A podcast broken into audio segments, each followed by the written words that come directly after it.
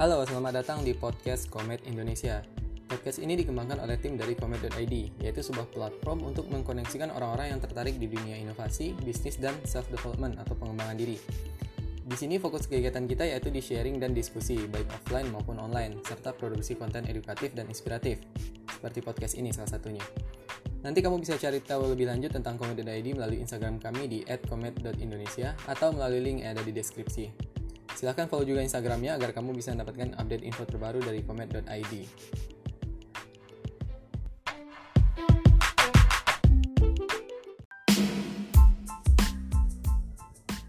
Oke, sesuai penjelasan tadi, jadi di podcast ini kita akan bahas hal-hal seputar dunia inovasi, bisnis, dan pengembangan diri atau self-development. Karena di dunia yang cepat berkembang ini, kami percaya setiap orang perlu untuk terlibat menciptakan perubahan melalui inovasi, wirausaha, atau paling tidak dengan selalu mengupgrade kualitas diri kita. Semoga konten di podcast ini bisa menginspirasi dan ber bermanfaat untuk rekan-rekan semua. Oke, kita langsung aja ke topik utama di episode 1 ini, yaitu tentang dunia yang cepat berubah dan tiga solusi utama untuk melaluinya.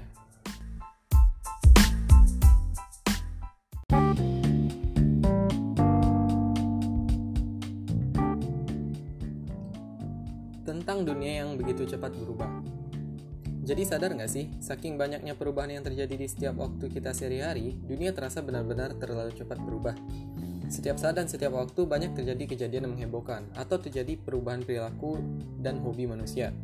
Misalnya nih, dalam kurun waktu beberapa tahun saja, perilaku manusia bisa benar-benar berubah karena suatu produk teknologi yang baru diciptakan.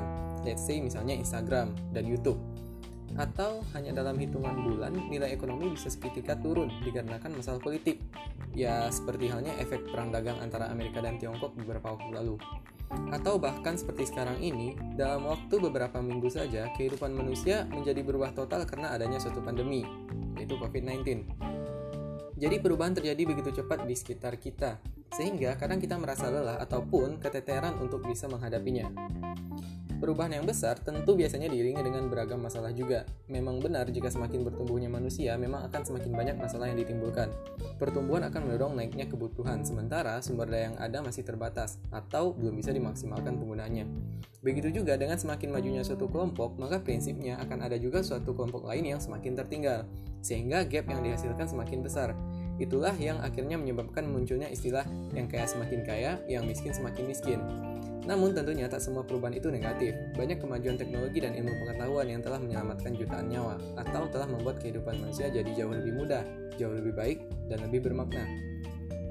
Lalu, bagaimana kita bisa melalui berbagai masalah dan perubahan yang tak terduga ini?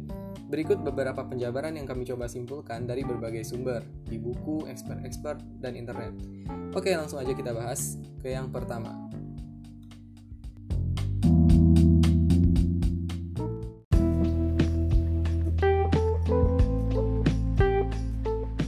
Yang pertama yaitu skill beradaptasi. Untuk menghadapi suatu perubahan yang terjadi dan, ter dan tak terelakkan ini, kemampuan beradaptasi adalah kunci utama. Adaptasi tersebut mencakup bagaimana kita bisa tetap update dengan kondisi terkini, menyesuaikan diri dengan setiap permasalahan baru yang muncul, dan tentunya kemampuan untuk bisa mempelajari hal-hal baru setiap saat, agar kualitas diri kita tetap upgrade. Jika kita tidak mampu beradaptasi, kita akan tertinggal atas setiap informasi dan ilmu pengetahuan baru yang muncul. Namun tentunya saat beradaptasi kita tidak serta-merta meninggalkan nilai-nilai baik yang telah kita miliki. Dan tidak hanya untuk oh, pribadi, adaptasi juga sangat penting untuk suatu kelompok atau perusahaan. Biasanya, kegagalan beradaptasi dengan kondisi terkini atau berinovasi menjadi alasan utama jatuhnya perusahaan besar di berbagai belahan dunia. Banyak perusahaan-perusahaan besar yang pelan-pelan menghilang kehadirannya karena mereka gagal mempertahankan konsumen mereka. Lalu pertanyaannya, kenapa konsumen mereka bisa pergi? Dan jawaban yang sering muncul ialah karena mereka menemukan produk atau layanan lain yang lebih baik. Entah karena produk baru lebih murah, lebih trendy, lebih lengkap, dan alasan-alasan lain. Alhasil, jika perusahaan tersebut tidak bisa beradaptasi dengan perubahan tren dan perilaku konsumen mereka, mereka pasti akan kalah saing.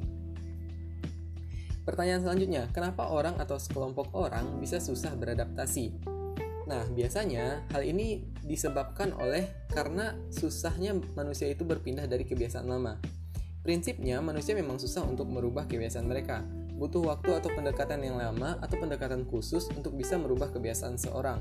Begitu juga dengan perusahaan atau lembaga, apalagi perusahaan besar dengan berbagai seluk-beluk regulasi dan sistem mereka yang sudah biasa mereka gunakan selama bertahun-tahun atau mungkin berpuluh tahun. Mereka akan sangat sulit untuk meninggalkan kebiasaan tersebut atau bahkan hanya sekedar untuk merubah sebagiannya. Manajer-manajer senior mungkin akan banyak menentang gagasan-gagasan baru dari karyawan-karyawan muda mereka. Namun masalahnya, tidak semua yang berpengalaman itu benar dengan konsep mereka. Yang paling benar ialah yang terus memperbanyak pengalaman baru dalam hidup mereka. Artinya, ialah mereka yang terus beradaptasi dan belajar sesuai dengan kondisi terkini. Karena bisa jadi, suatu pengalaman itu sudah tidak relevan lagi di kondisi sekarang, karena memang kondisinya sudah berubah. Jadi, mulailah melatih kemampuan kita beradaptasi. Langkah pertamanya ialah dengan selalu berusaha membuka diri, membuka hati dan pikiran akan lingkungan luar kita mulailah membuka hati untuk berinteraksi dengan orang baru, membuka pikiran kita dengan ilmu pengetahuan baru, update dengan informasi atau isu terkini untuk melatih empati kita. Dan senantiasalah menjadikan setiap hari kita itu selalu lebih dari sebelumnya. Tak harus lebih baik, setidaknya selalu ada pembelajaran baru setiap hari.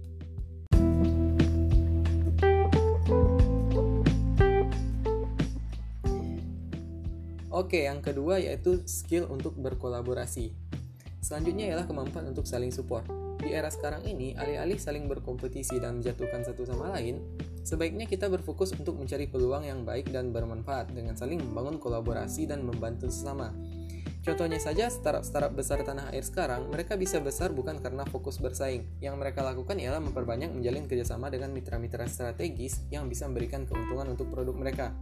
Kerjasama tersebut membantu pertumbuhan dan ekspansi produk mereka, bahkan bisa saja lawan dijadikan kawan. Pada prinsipnya, kita memang tidak bisa berjuang sendirian atas segala sesuatu yang kita ingin capai. Misalnya, seorang founder startup pasti butuh co-founder, business owner punya co-owner, dan project manager punya associate manager. Sebagai segala sesuatu diciptakan untuk bisa saling mendukung satu sama lain.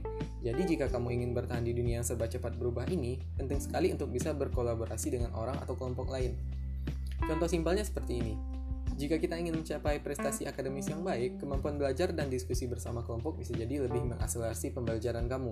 Beberapa hal memang bisa kita pelajari dan kerjakan sendiri, dan hasilnya tetap bagus, namun banyak hal di dunia ini yang mungkin bisa kamu pahami lebih cepat melalui orang lain, melalui pengalaman orang lain, melalui apa yang telah mereka pelajari. Karena kita tidak perlu melakukan semuanya dari nol, bukankah kita telah menghemat waktu jika belajar dari orang lain? Begitu juga dalam hal mengembangkan usaha atau bisnis, tentu kolaborasi jauh lebih penting lagi. Jika kamu seorang founder yang berbakat untuk desain produk, maka temukanlah co-founder yang berbakat di pemasaran. Jika perusahaanmu punya kualitas produk yang unggul daripada yang lain, namun gagal di pasaran, mintalah bantuan agensi marketing untuk memasarkannya. Segala sesuatu di perusahaan tidak harus kita kerjakan sendiri, tidak harus kita kerjakan dari nol. Mulailah mencari peluang kerjasama, peluang kolaborasi, peluang saling membantu, dan saling menguntungkan satu satu sama lain. Jika kita berkeras diri mengerjakan semuanya sendiri, bisa jadi hasilnya buruk, atau mungkin bisa bagus, namun prosesnya terlalu lama, sehingga sudah ketinggalan dari yang lain. Di kehidupan sekarang pun kita bisa melihat beberapa perusahaan konvensional mulai bekerja sama dengan startup-startup baru yang sedang bertumbuh. Seperti saat joinnya perusahaan taksi konvensional ke startup taksi online. Bank konvensional juga mulai menanamkan modal ke startup fintech potensial melalui modal ventura mereka. Kemampuan berkolaborasi bisa mengakselerasi suatu proses dan juga membuat kita bisa bertahan lebih lama dalam kondisi yang mudah berubah. Seperti kata pepatah, jika Anda ingin berjalan lebih cepat, berjalanlah sendirian. Namun jika Anda ingin berjalan lebih jauh, berjalanlah bersama orang lain. Jadi, mulailah membuka diri dan hati untuk bekerja bersama orang lain, berkolaborasi, saling membantu, saling mendukung, menciptakan sesuatu yang hebat bersama-sama. Semoga nanti hasilnya juga saling menguntungkan bagi satu sama lain. Oke, yang ketiga yaitu meningkatkan kualitas dan kuantitas di bidang inovasi, bisnis, dan pengembangan diri. Di era industri dan teknologi yang terus berkembang pesat ini, kita harus selalu update diri dengan informasi dan pengetahuan seputar dunia inovasi, bisnis atau kewirausahaan, dan juga pengembangan diri atau self-development. Walaupun misalnya kita tidak terlibat langsung dengan hal-hal tersebut, namun nyatanya tiga hal itu erat kaitannya dengan kehidupan kita sehari-hari. Kita butuh inovasi untuk bisa memudahkan hidup manusia, membantu memberikan alternatif solusi baru untuk tiap-tiap permasalahan sehari-hari. Kita butuh sektor bisnis dan wirausaha untuk menunjang pertumbuhan ekonomi, membuka lapangan kerja, dan berikan dampak sosial kepada lingkungan dan masyarakat. Lalu kita butuh untuk selalu mengembangkan diri agar bisa menjadi pribadi yang berkualitas, selalu berkembang menjadi lebih baik, serta cermat dalam menjalani hidup. Bisa kita lihat bahwa negara-negara maju di luar sana memiliki keunggulan dari sisi inovasi, bisnis, dan kualitas SDM mereka. Mereka berlomba-lomba menciptakan berbagai produk inovasi, baik berupa penemuan ilmiah, startup teknologi, inovasi di bidang sosial dan lingkungan, berupa gerakan-gerakan dan komunitas-komunitas. Mereka juga memiliki sektor usaha yang kuat. Mereka mampu memproduksi produk dengan kualitas bagus. Jumlah wirausahaan mereka tinggi, menjadikan ekonomi mereka begitu kuat. Dan dari sisi SDM, mereka juga begitu serius terhadap pengembangan kualitas manusia mereka. Masyarakat di sana memiliki kualitas diri yang bagus. Mereka terbiasa untuk selalu mengupgrade pikiran dan emosional mereka dengan berbagai pembelajaran dan, berba dan berbagai sumber. Makanya tak jarang teori dan konsep-konsep pengembangan diri yang terkenal berasal dari sana, baik berupa penelitian-penelitian atau buku-buku terkenal. Ya misalnya saja tentang konsep psikologis atau kecerdasan emosional, tentang manajemen diri, teori produktivitas, keuangan, dan sebagainya. Lalu untuk memajukan sektor inovasi bisnis dan pengembangan diri tadi, kita tidak bisa hanya bergantung ke lembaga-lembaga formal saja. Kita harus membiasakan untuk bisa belajar dan melatih diri sendiri melalui berbagai sumber yang tersedia, terutama internet misalnya. Saat ini sebenarnya sumber pembelajaran itu ada di mana-mana, berupa buku, kursus, artikel internet, mentor, dan sebagainya. Dan lebih menguntungkannya lagi, internet telah memudahkan kita untuk mengakses itu semua. Oleh karena itu, sekarang yang jadi masalah masalah bukanlah dari mana saya bisa belajar, tapi bagaimana saya bisa belajar. Yang terpenting untuk dilatih saat ini adalah kemampuan untuk menggali dan mengumpulkan informasi dari berbagai sumber yang ada. Bagaimana caranya? Yaitu dengan memulai memberdayakan sosial media dan internet dengan baik. Lalu selanjutnya dengan memberdayakan kelompok sosial yang mendukung, membuka jaringan pertemanan dan mencari koneksi ke expert atau mentor yang ada di luar sana. Berangkat dari itu, Komet.id sendiri hadir untuk ikut menunjang kebutuhan tersebut. Komet.id menjadikan sharing konten tentang inovasi, bisnis, dan pengembangan diri sebagai fokus utama di podcast ini. Kami juga membentuk grup komunitas daring untuk bisa saling membangun koneksi satu sama lain. Karena itu, yuk kita sama-sama belajar. Semoga konten-konten dari podcast ini nantinya bisa selalu bermanfaat untuk kita semua.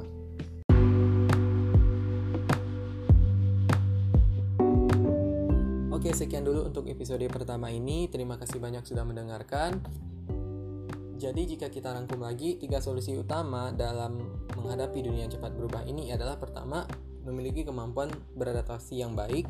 Yang kedua, memiliki kemampuan untuk bisa berkolaborasi, saling mendukung dengan orang lain. Dan yang ketiga yaitu meningkatkan kualitas dan kuantitas di bidang inovasi, bisnis, dan self-development. Atau setidaknya kita harus update dengan informasi terkini di bidang tersebut. Oke, terima kasih banyak. Mohon maaf jika ada salah penyampaian karena di sini kita sifatnya sharing aja. Sampai jumpa di episode selanjutnya. Jangan lupa like dan follow. Jika kalian suka dengan konten ini, silahkan dibagikan ke rekan-rekan dan teman-teman lainnya. Dan jika kalian punya ide tentang topik apa yang menarik untuk kita bahas dan pelajari bersama, silahkan DM kami melalui Instagram. Semoga bermanfaat. Keep learning. Tunggu episode selanjutnya. Saya undur diri. Assalamualaikum warahmatullahi wabarakatuh. See you.